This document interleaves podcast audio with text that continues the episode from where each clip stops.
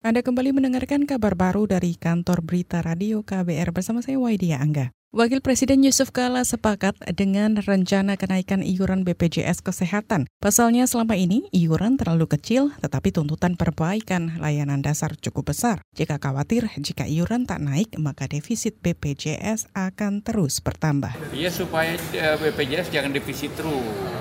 Kedua agar proporsional lah dan semuanya ditanggung makin ayadannya makin naik tapi uh, iurannya tetap itu nanti tidak defisit terus nanti.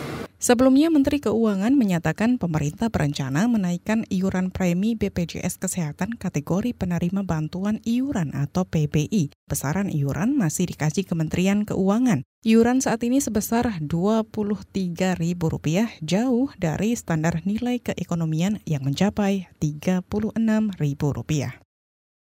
Berita selanjutnya, Komisi Pemberantasan Korupsi KPK berencana memanggil Menteri Perdagangan Engkertias Tolukito terkait pernyataan tersangka suap Bowo Sidik Pangarso. Bowo yang juga bekas anggota DPR ini sebelumnya mengaku mendapat uang 2 miliar rupiah dari Enggar untuk memuluskan aturan soal gula rafinasi. Uang itu termasuk dalam 400 ribu amplop senilai 8 miliar rupiah yang akan digunakan Bowo untuk serangan Fajar. Wakil Ketua KPK, Saud Situmorang mengatakan Enggar Tiasto akan diklarifikasi soal tudingan ini, namun ia tak menyebut tentang detail jadwal pemanggilannya. Tetapi yang tadi tadi bicara kewenangan dalam bahasa saya tadi fungsi, status dan peran setiap orang. Nanti itu dilihat.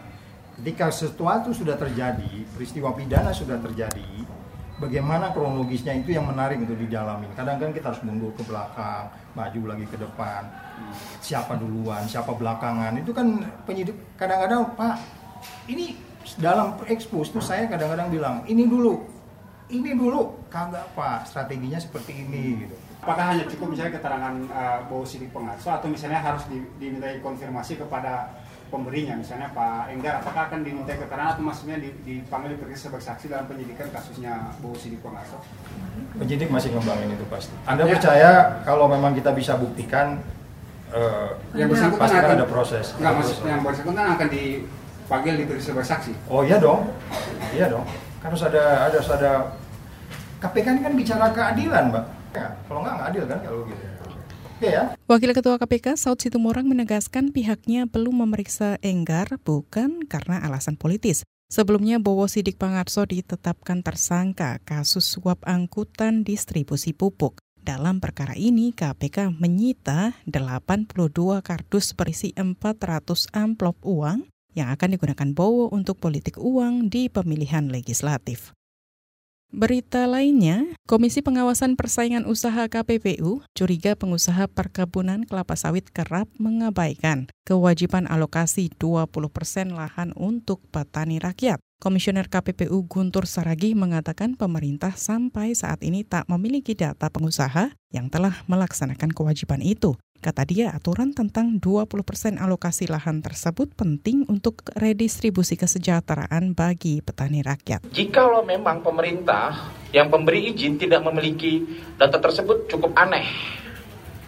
Kenapa? Berani memberikan izin, berani mengatakan firm 20%, tapi tanpa ada diperoleh data list dari siapa anggota plasmanya.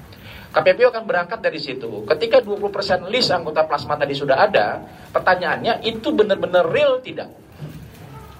Atau itu bodong? Komisioner KPPU Guntur Saragi menegaskan bakal merekomendasikan pencabutan izin hak guna usaha jika ditemukan ada pengusaha sawit yang melanggar. Aturan terkait alokasi 20% lahan untuk petani rakyat tercantum dalam Undang-Undang tentang Perkebunan. Regulasi turunannya termasuk sanksi masuk dalam Peraturan Menteri Pertanian.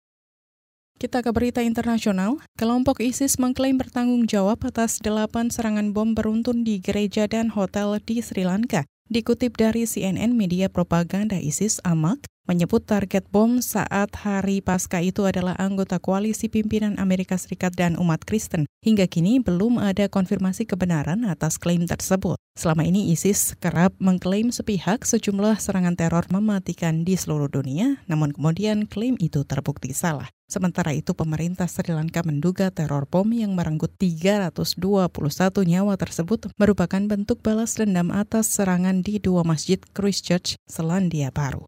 Demikian seluruh rangkaian kabar baru hari ini. Terima kasih atas atensi Anda. Salam.